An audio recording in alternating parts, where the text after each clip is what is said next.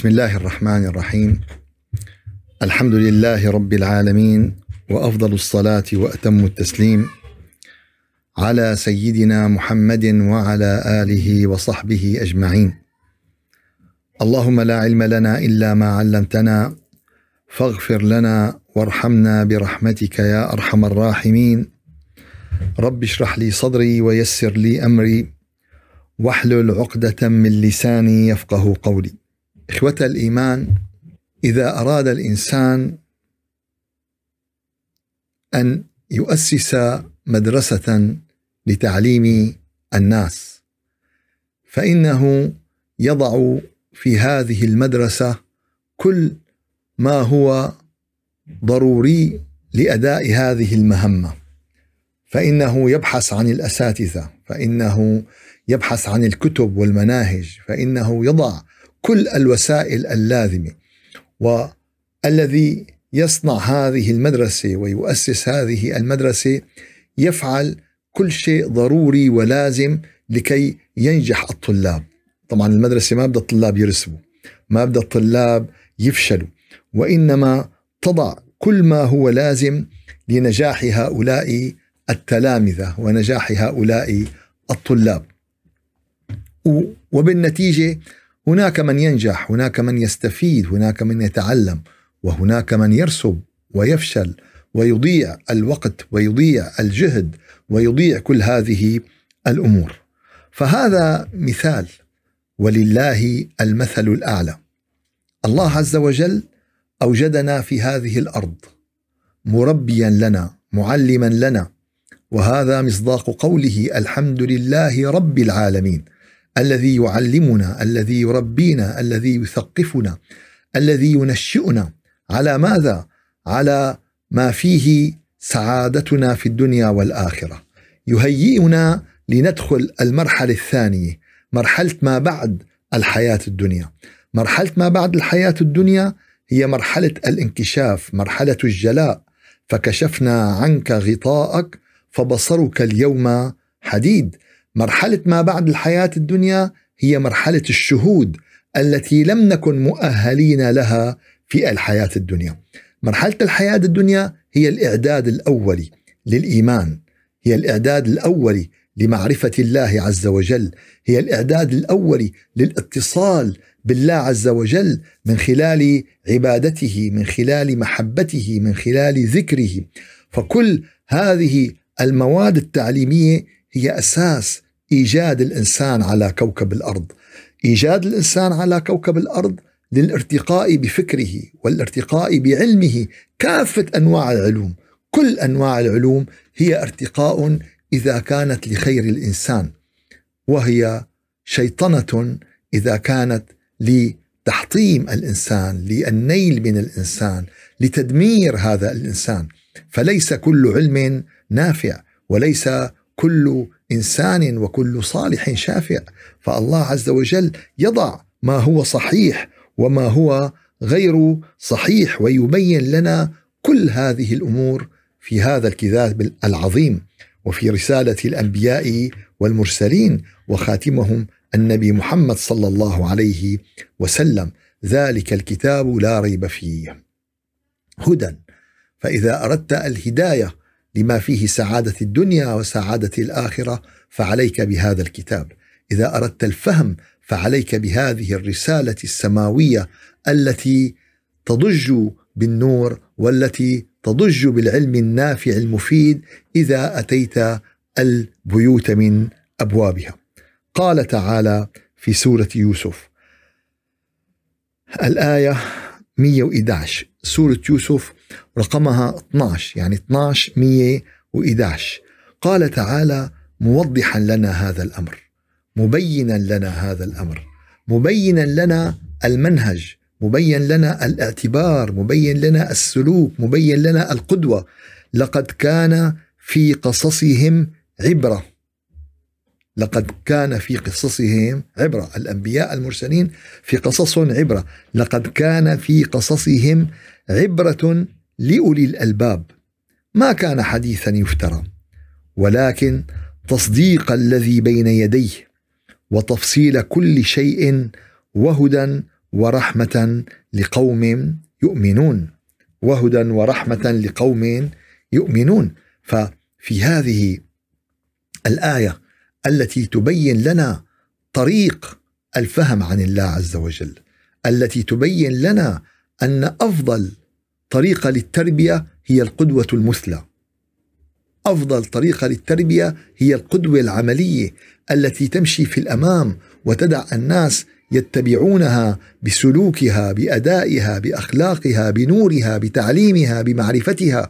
هكذا القدوة المثلى. والأنبياء والرسل هم خير من يمثل هذه القدوة المثلى. وهذا ما بينه الله عز وجل لنا. لقد كان في قصصهم عبرة. وهنا عبرة يعني دروس يعني حكم يعني معارف يعني علوم يعني اقتداء. لقد كان في قصصهم عبرة. وهنا أتت عبرة بالتنكير أتت نكرة. ولم ولم يقل لك لقد كان في قصصهم العبرة. إذا قال العبرة معناتها عبرة محددة معروفة. ولكن حينما أتت عبرة منكرة بالتنوين فهي أتت نكرة. والنكرة من ألفاظ العموم شو يعني؟ يعني مو عبرة واحدة يعني كل العبر والدروس التي يمكن أن تتصورها والتي يمكن أن تتخيلها والتي يمكن أن تتعلمها لقد كان في قصصهم عبرة ولكن لمين؟ للإنسان الخام العادي للإنسان اللي قاعد على اليوتيوب وقاعد على جوجل وقاعد على الواتساب و... لقد كان في قصصهم عبرة دروس لا تنتهي لأولي الألباب. أولي الألباب. هؤلاء الطبقة الراقية.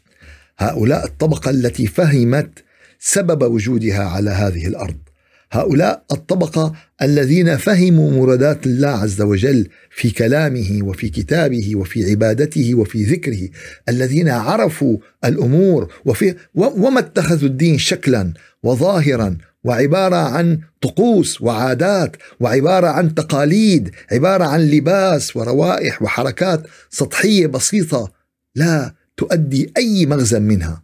اليوم هذا التدين بكافة أشكاله. اليوم إذا اطلعت على مختلف الأديان فبتلاقي عبارة عن طقوس عبارات ألوان كل ناس عاملين شيء معين. ولكن أين الحقيقة؟ الحقيقة غائبة. الحقيقة بعيدة.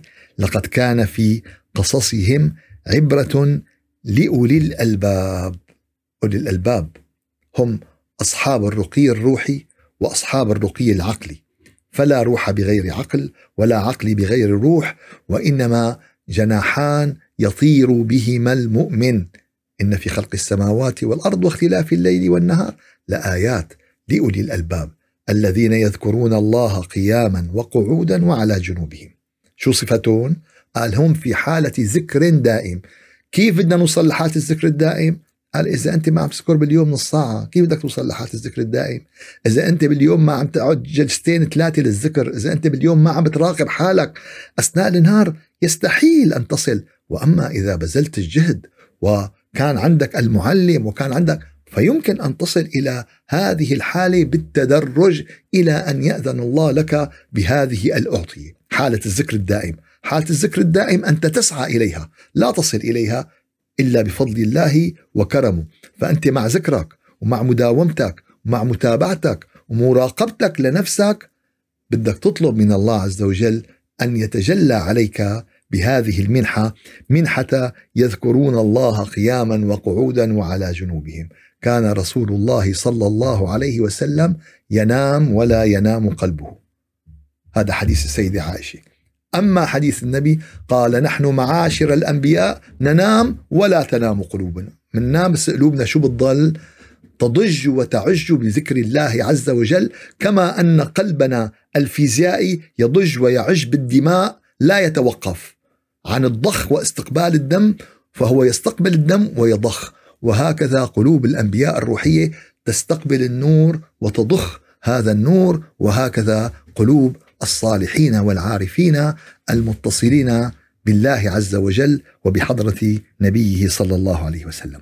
لقد كان في قصصهم عبرة لأولي الألباب فالذين يذكرون الله قياما وقعودا وعلى جنوبهم ويتفكرون.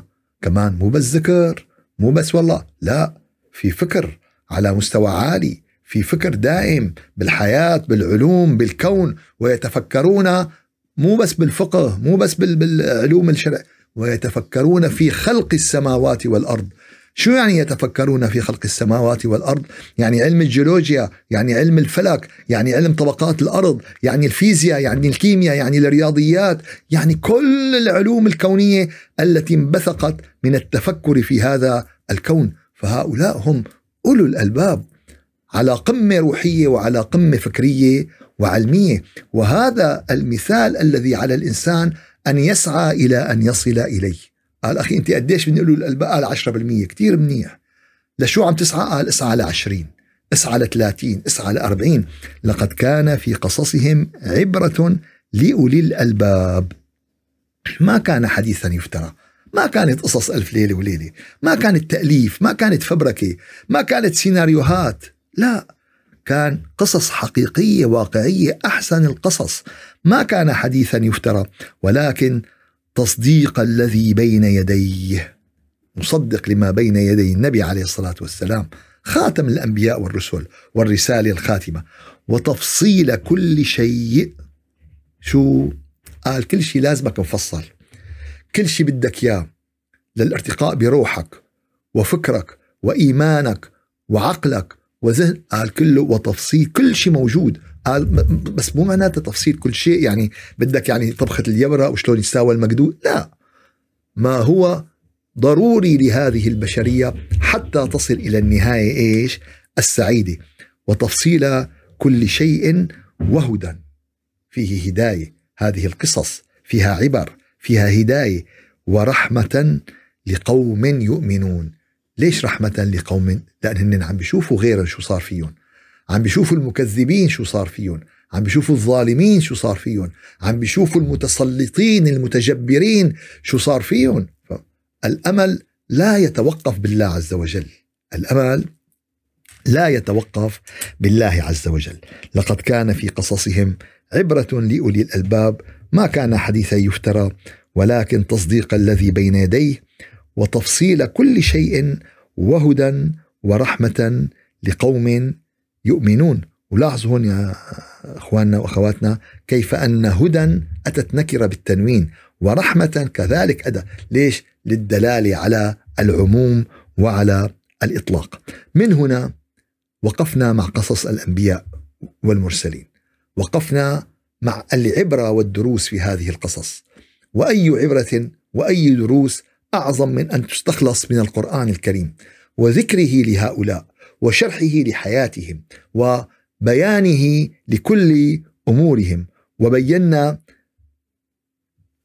عن قصة نبي الله صالح كيف أن الله عز وجل قد ذكر اسمه تسع مرات في القرآن الكريم. وكيف أن الله قد ذكر قصته وقصة قوم ثمود في أكثر من عشرين في حوالي عشرين موضع من القرآن الكريم. فتعرفنا على ما ذكر عن نبي الله صالح في سورة الأعراف وفي سورة هود وفي سورة الحجر وفي سورة الشعراء وفي سورة النمل وفي سورة القمر. وهنا ذكرت القصة بالتفصيل وذكرت العبر بالتفصيل. ثم بعد ذلك ذكرت القصة بشكل أقل تفصيل. في سورة الإسراء وفصلت والذاريات والحاقة والفجر والشمس. ثم أشير إليها في التوبة وإبراهيم والحج والفرقان والعنكبوت وصاد وقاف والنجم والبروج. والحقيقة أنه هذه الحكم وهذه العبر تستحق أن نمر عليها ولو مرورا سريعا ولكن على أن يتوقف كل واحد منا مع هذه العبر والحكم لحاله. لأن لا يمكن نحن والله بساعة خلال أسبوع أنه والله نحصي كل هذه الأمور وكل هذه العلوم وإنما نتعرض إلى المفاتيح وإلى الأساسيات في هذه الأمور. وصلنا إلى قصة نبي الله صالح في سورة الإسراء والآية 59 سورة الإسراء 17 الآية 59 17 59 بعد أعوذ بالله من الشيطان الرجيم. بسم الله الرحمن الرحيم. وما منعنا أن نرسل بالآيات إلا أن كذب بها الأولون. وآتينا ثمود الناقة مبصرة فظلموا بها. وما نرسل بالآيات إلا تخويفا. قال قال يا أيها الإنسان اليوم في عندك نوعين من الآيات والدلائل التي تدل على الله عز وجل. في عندك آيات لا تنتهي. آيات لا تنتهي. بخلق الكون بخلق الطبيعة بخلق الإنسان بخلق الحيوان بخلق كل ما تراه حولك. إن ربك هو الخلاق العليم. فربك هو الخلاق العليم. فكل هذه آيات ثابتة دائمة لا تغيب لا تزول. وهناك معجزات مؤقتة. معجزة هي خرق للعادة يعني يحدث آه، بمرحلة معينة وينتهي. وهنا رب العالمين يبين لنا قال وما منعنا أن نرسل الآيات. ليش نحن ما بنبعثكم المعجزات قال لأنكم ستكذبون بها كما كذب بها الأولون. شو بده يصير؟ بدنا نكذب فيها. بدنا نقول هذا سحر هذا مو مزبوط. خدعت أبصارنا سكرت ابصار هي مو هي كذا هي كذا هي وخاصة في زماننا اليوم يعني اليوم في زمان الفبركات وفي زمان الإخراج والمونتاج وإلى آخر هذه بيطلعوا لك شخص وبيحطوا حديث كامل على لسانه وهو ما له علاقة بيظبطوا الصوت وبيزبط كل اليوم هذه القصص. فمعناتها وما منعنا أن نرسل بالآيات إلا أن كذب بها الأولون. طبعا الآيات المعجزات الحادثة فلذلك توقفت هذه المعجزات في زمن النبي عليه الصلاة والسلام. ليش؟ قال لأن سيبقى التركيز على المعجزات الدائمة. هذيك المعجزات كانت مفيدة ليش؟ لأن هن قوم محصورين والمعجزة سيحضرها كل هؤلاء. أما اليوم إذا أجيت قلت له لواحد معجزة سيدنا موسى يصدق بها ولكن ما رآها ما شافها بيقول لك وين هالمعجزة؟ نحن ما عشنا هالمعجزة هي يلي عاشوا وآمنوا فيها. بس نحن كيف بدنا نآمن فيها؟ فمعناتها تلك المعجزات نزلت على بيئة محدودة على قوم محصورين شهدوا كلهم هالمعجزة هي. يعني ناقد صالح كل قوم صالح اللي هن ثمود شهدوا هذه المعجزة وعاشوا معها. وشافوه كيف كانت يوم عم تشرب لحالها ويوم هن عم بيشربوا وكيف كانت معجزة وكيف كان لهم فيها آية. أما بقية الناس ما شهدوا هذه الأمور. لذلك في زمن النبي عليه الصلاة والسلام توقفت هذه المعجزات التي كان آخرها الفيل. المعجزات اللي على الملأ يشهدها كل الناس كانت آخر شيء هي الفيل وأصبحت المعجزات العقلية والفكرية الثابتة والتي أعطانا الله عز وجل إياها كدليل قطعي لا عزوب عنه. وما منعنا أن نرسل بالآيات إلا أن كذب بها الأولون. كلهم كذبوا. كذبوا بالمعجزات وحاق عليهم العذاب. وهذا من أحد أسباب نجاة أمة النبي عليه الصلاة والسلام أنهم لو نزلت بهم المعجزات وكذبوا بها لا لحقهم العذاب كما لحق الأمم السابقة. فجنب النبي أمته هذا العذاب وحماها من هذا العذاب. وما منعنا أن نرسل بالآيات إلا أن كذب بها الأولون. وآتينا ثمود الناقة مبصرة. هي أكبر مثال أكبر دليل. أعطيناهم الناقة آية واضحة جلية ظاهرة ما عليها خلاف. فظلموا بها. شو ظلموا بها؟ ذبحوها. قتلوها. تآمروا عليها وتآمروا على النبي. يعني ما اكتفوا بس بالتآمر على الناقة وإنما تآمروا على النبي. وما, وما نرسل بالآيات إلا تخويفا. الآيات هي إنذار وهي دلالة. فهذا المؤشر وهذه العبرة من هذه الآية. كذلك ذكرت قصة نبي الله صالح في سورة فصلت. وأما ثمود فهديناهم. أعطيناهم دليناهم. والله عز وجل مو بس هدى ثمود هدى كل الخلق. واحد بيقول لك في واحد في وما كنا معذبين حتى نبعث رسولا. نقطة على السطر. رب العالمين ما بيعذب قوم ما وصلتهم الرسالة. اطمئنوا. وما كان ربك بظلام للعبيد. أي شيء يتنافى مع هذا القول فهو باطل. الله لا يظلم فأنت ارجع فكر. ارجع أفهام الدرس ارجع أفهام العبرة. وأما ثمود فهديناهم فاستحبوا العمى على الهدى. شو صار فيهم استحبوا العمى على الهدى. واحد عنده مال حلال ومال حرام بيستحب الحرام على الحلال. بيستحب الشيء المنيح. الطاهر على الشيء فاستحبوا العمى على الهدى فأخذتهم صاعقة العذاب الهون بما كانوا يكسبون. طبعا ذكر عقاب قوم ثمود بأكثر من, شك من شكل. طاغية الصيحة ولكن كلها صفات للصاعقة. بإيش عذب قوم ثمود؟ بإيش انقضى عليهم؟ بالصاعقة. طيب كل يوم نحن عم نشوف صواعق وبالعالم في آلاف الصواعق. قال إيه عم تجي بمجال محدود. عم تجي نموذج تذكير تذكير. يا ترى كل كل أنت ما سمعت صاعقة هل تتذكر قوم ثمود وكيف رب العالمين اهلكم بالصاعقة؟ ولا لا؟ عادي عم بتصير كتير. تعودنا الحقيقة يا أحبابنا هذا من الغفلة. هذا من قسوة القلب. حينما تشعر بالصاعقة بدك تشكر الله عز وجل. أنها لم تنزل عذابا عليك. حينما تسمع الصاعقة تتذكر اقواما أهلكهم الله بالصاعقة. وكما ذكرنا الماء اللطيف الناعم اللي بنسبح فيه وبنشربه وبنطبخ فيه وجسمنا بيتكون معظمه من الماء إذا زاد علينا بنغرق. إذا زاد علينا بنغرق. وإذا زاد الجسم بجسمنا بنموت. فكل شيء بقدر برحمة الله عز وجل. فهكذا العذاب الريح نسبة ناعمة لطيفة. إذا زادت سرعتها زادت مجالها صارت أعصار مدمر. فالمطر ينقلب إلى جند من جنود الله وينقلب إلى عذاب. الهواء العليل ينقلب إلى عذاب. وكذلك الأمر الصاعقه اللي بنشوفها ظاهرة كونية مرعبة ومدهشة ومخيفة تتحول إلى عذاب يدمر أقوام. إذا زاد المجال ما بتنزل على متر مربع. بتنزل على 10 كيلو متر مربع راحت المدينة كلياتها. وأما ثمود فهديناهم فاستحبوا العمى على الهدى فأخذتهم صاعقة العذاب الهون الهون صاعقة النار يعني. هل, هل, هل صاعقة تحولت إلى إيش؟ إلى نار. بما كانوا يكسبون وكثير اليوم عم بتصير أحيانا الصاعقة بتنزل فبتأدي لحريق غابي بتأدي إلى حريق. ف فأخذتهم صاعقة العذاب الهون بما كانوا يكسبون. ونجينا الذين آمنوا وكانوا يتقون. قال أخي لا تخلينا نتشائم. لا تخلينا ما بعرف إيش. لا تحاكينا كلامك ابنا لا تح... إيه طبعا خلينا مرتاحين و... يا جماعة في ناس بدهم ينزل فوقهم العذاب وفي جماعة بدهم ينجوا. ما بدنا نضحك على بعضنا. ما بدنا نحكي كلام.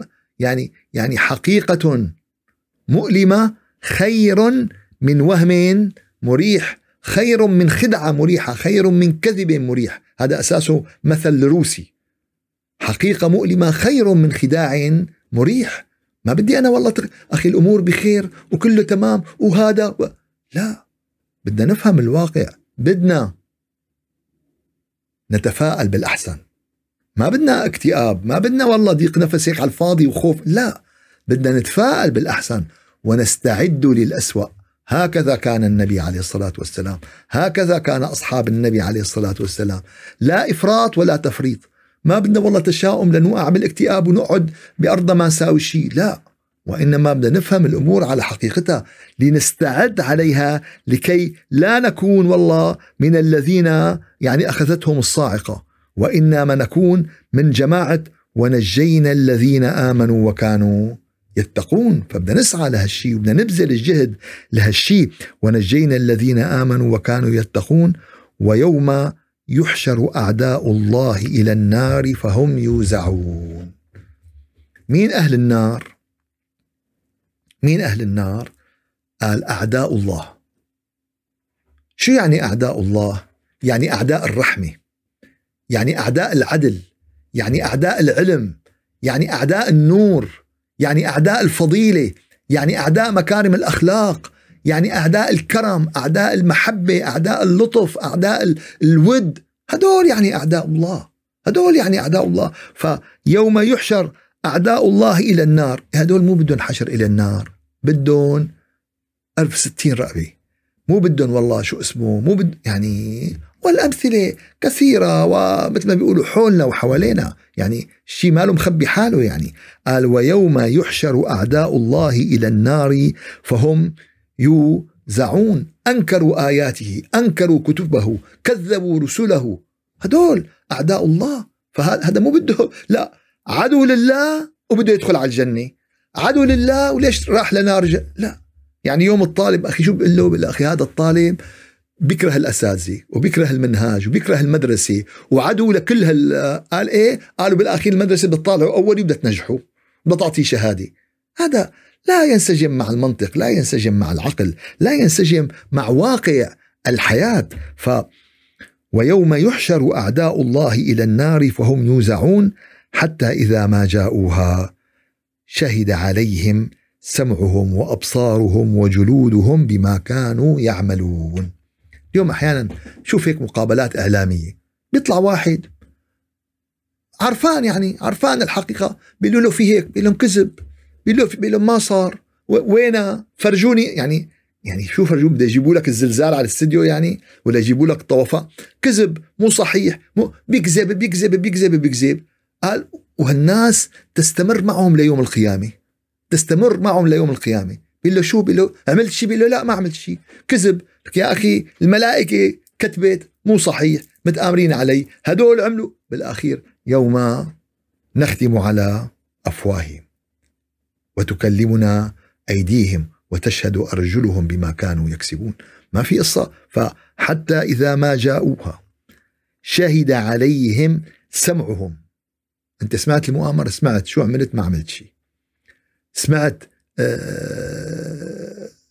الكفر والإلحاد والإنكار سمعت. عملت ما عملت شيء. استنكرت بقلبك ما استنكرت بقلبي. وأبصارهم وجلودهم بما كانوا يعملون. ستشهد عليك أبصارك. فإذا إجاك فرصة هلأ إذا إجاك مين يساعدك إذا إجاك مين ياخذ بإيدك خلوص تحرر قال قال انكار الخطيئة وقوع مرة ثانية بالخطيئة. إنكار الخطيئة شو؟ وقوع مرة. مو غلط الإنسان يغلط. كلياتنا بنغلط. كلياتنا. كل بني آدم خطاء. ما في حدا ما ما خطأ أو كذا. وإنما الإصرار وإنما المتابعة وإنما إبقاء الباب مفتوح للخطأ. هون المشكلة الكبيرة. قال أخي أنت عندك كان خطأ بالماضي؟ قال عندي خطأ بالماضي. قال لساتك فاتح الباب ولا سكرته؟ قال اكذب عليك لساتني فاتح الباب. قال معناتها أنت ما تخلصت من أخطائك الماضيه إذا ما أغلقت الباب معناتها أنت لم تتخلص من أخطائك الماضية. حتى إذا جاءوها شهد عليهم لنوصل لهنيك سمعهم وأبصارهم وجلودهم بما كانوا بما كانوا يعملون. سورة فصلت. أعطت عبر على قصة ثمود وقوم ثمود وعلى قصة نبي الله صالح. وبعد ذلك تأتي سورة الزاريات لتعطينا رؤية أخرى تعطينا مشهد جديد وفي سورة الذاريات وفي ثمود إذ قيل لهم تمتعوا حتى حين. شو؟ تمتعوا حتى حين. لا يغرك أيها الإنسان المتعة في هذه الدنيا. لمين ما كانت فهي متعة. شو صفة هذه المتعة؟ حتى حين. المال حتى حين الصحة حتى حين العمر حتى حين القوة حتى حين السلطة حتى حين الزعامة القيادة الريادة كله حتى حين. إذا قيل لهم فمعناتها هي عبرة لقد كان في قصصهم هي مو بس لثمود هي لا لا واشنطن ولا بريطانيا ولا روسيا ولا شو؟ إذ قيل لهم تمتعوا حتى حين. وإلي وإلك وإلك وللكل. متى حتى حين. كل هذا بدك تخسره بلحظة من اللحظات. وفي ثمود إذ قيل لهم تمتعوا حتى حين. فعتوا عن أمر ربهم. طيب تمتعت تمتع بس إقبال أمر ربك. إنصاع لأمر ربك. أحب ربك. لا. تمتعوا وعتوا عن أمر ربهم. فعتوا عن أمر ربهم. شو كانت النتيجة؟ شو كانت النتيجة؟ بالدنيا قبل الآخرة. قال فأخذتهم الصاعقة وهم ينظرون. فأخذتهم الصاعقة وهم ينظرون. فلاحظوا يا أحبابنا هذه الآية أعطتنا إشارة إلى قوم لوط يوم آه الملائكة أمرت سيدنا لوط ولا لا تطلعوا للخلف. ولا يلتفتون. أعكن ولا تطلعوا لورا ليش؟ لأن العذاب يخطف بالأبصار. في عذاب شو بيساوي؟ فهون فأخذتهم الصاعقه هون من هول المشهد ما استطاعوا تحويل أبصارهم. يعني يعني صار عندهم حالة جمود. لأن الواحد شاف صار بخبي عيونه بخبي نظره. من كثر الجمود اللي عندهم والمفاجأة والصعق اللي ما حسنوا أسرع شيء عند الإنسان يحمي بصره أسرع شيء يسكر عيونه أسرع شيء. يعني إذا بده يسكر اذنيه لا تسكير إذا بده يحرك. أسرع شيء تسكير تسكير عيونه. لاحظوا قديش الإشارة مخيفة في الآية. فأخذتهم الصاعقة وهم ينظرون حتى ما استطاعوا تحويل نظر من عزم ومن هول الصدمة ومن هول العذاب. الله يلطف. الله يحمينا. الله يحمينا ويحمي أولادنا. الله يبعد عنا العذاب. يا رب يا رب إنا آمنا بك. يا رب إنا آمنا بعذابك وعقابك ورسلك وكتبك وانبيائك يا رب وإنا نشهد أنا مؤمنون. مقصرين مقصرين يا رب. مذنبين مذنبين. بس والله مؤمنين يا رب. بكتبك ورسلك وبك يا أرحم الراحمين. فأخذتهم الصاعقة وهم ينظرون فما استطاعوا من قيام وما كانوا منتصرين. هذا بيأيد لك المعنى أنه ما حسنوا يحركوا أبصارهم وما استطاعوا يتحركوا. ما استطاعوا يتحركوا من حول الصدمة من حول واحد ماشي بالغابة ما بيلاقي غير والله أسد ضخم بينه وبينه متر. تيبس بأرضه ما عاد طلع بإيده لا يتحرك ولا ينط ولا يروح ولا يجي. فما استطاعوا من قيام وما كانوا منتصرين. النتيجة شو كانوا؟ كانوا منهزمين. شو يعني ما كانوا منتصرين؟ كانوا خاسرين كانوا ضائعين كانوا يعني آه، مدمرين. فانتهت قضي الأمر وقضي هذه ال... اليوم عم نشوف هالشيء يا جماعة. عم نشوفه اليوم باليوتيوب عم نشوف قرى عم تغرق تغرق عم نشوف مدن عم بتروح عم نشوف أعاصير عم تلع بيوت عم نشوف فيضانات عم نشوف حرائق عم نشوف عم نشوف. كل يوم عم نشوف قصة ثمود وعم نشوف قصة عاد وعم نشوف. ووردت قصة ثمود ووصف قوم ثمود في سورة الحاقة. بعد بسم الله الرحمن الرحيم الحاقة ما الحاقة وما أدراك ما الحاقة. يوم القيامة لأنها حق لأنها حق والإيمان بها حق والتصديق بها حق. الحاقة ما الحاقة وما أدراك ما الحاقة. كذبت ثمود وعاد بالقارعة. كذبوا. تكذيبنا بيوم القيامة خروج عن الصراط المستقيم. إيماننا بيوم القيامة نقطة أساسية على الصراط المستقيم. ولكن ليس إيمان اللفظ ليس إيمان القول ليس إيمان الادعاء. اليوم إيماننا إيمان ادعاء إيماننا قول إيماننا ما عم بيسانده حقيقة. اليوم إذا أجيت لواحد قلت له هذا عقرب عقرب قرصة وحدة بتقتل 20 زلمة. قال لك إيه؟ صدقت؟ قال صدقت. ومسكه بإيده وحطه بجيبته. هذا شو هذا؟ صدق ولا كذاب؟ بلسانه مصدق أما بحقيقته بأعماله مكذب. إذا أجيت واحد قلت له, قلت له شايف الحقيبة؟ إلك هي. فيها مليون آه، قطعة ذهبية. قال لي إيه صدقتني إيه صدقتك؟ وحمل حاله ومشي وتركها. هل هو مصدق أم مكذب؟ بلسانه مصدق. بحقيقته بأعماله مكذب. اليوم للأسف هي حالة المتدينين اليوم. لن أقول ليس الكل بالطبع كل تعميم هو خاطئ. معظم المنتسبين إلى الدين اليوم مؤمنين باللسان منكرين بالقلب.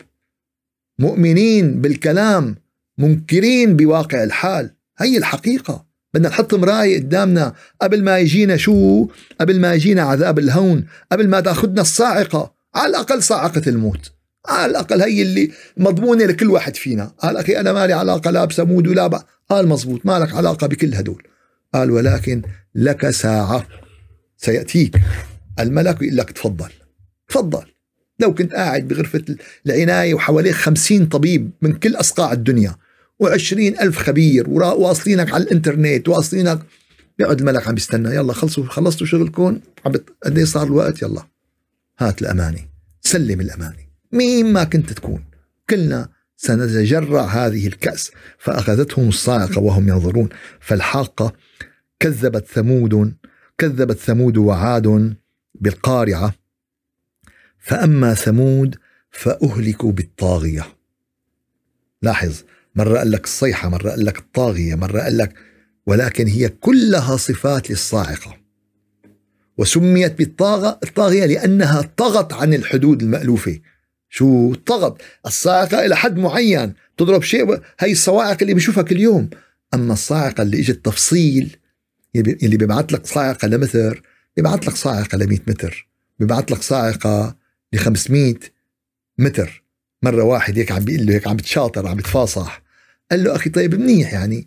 أه بدك تقبض روح واحد بيقبض له روح الملاك. طيب لما بدك تقبض روح مليون كيف يعني بدك أه تقبض أرواحهم كلهم بنفس الوقت؟ فقال له الواحد قال له بسيطة.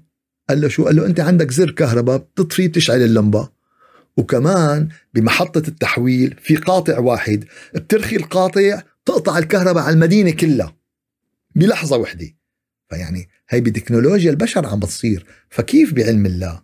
كيف بما أسس عليه الملائكة فلا تأكلوا هم. يعني هالأمور هي لا نهكل همها لأن في مين؟ يعني قائم فيها وفي مين متكفل فيها.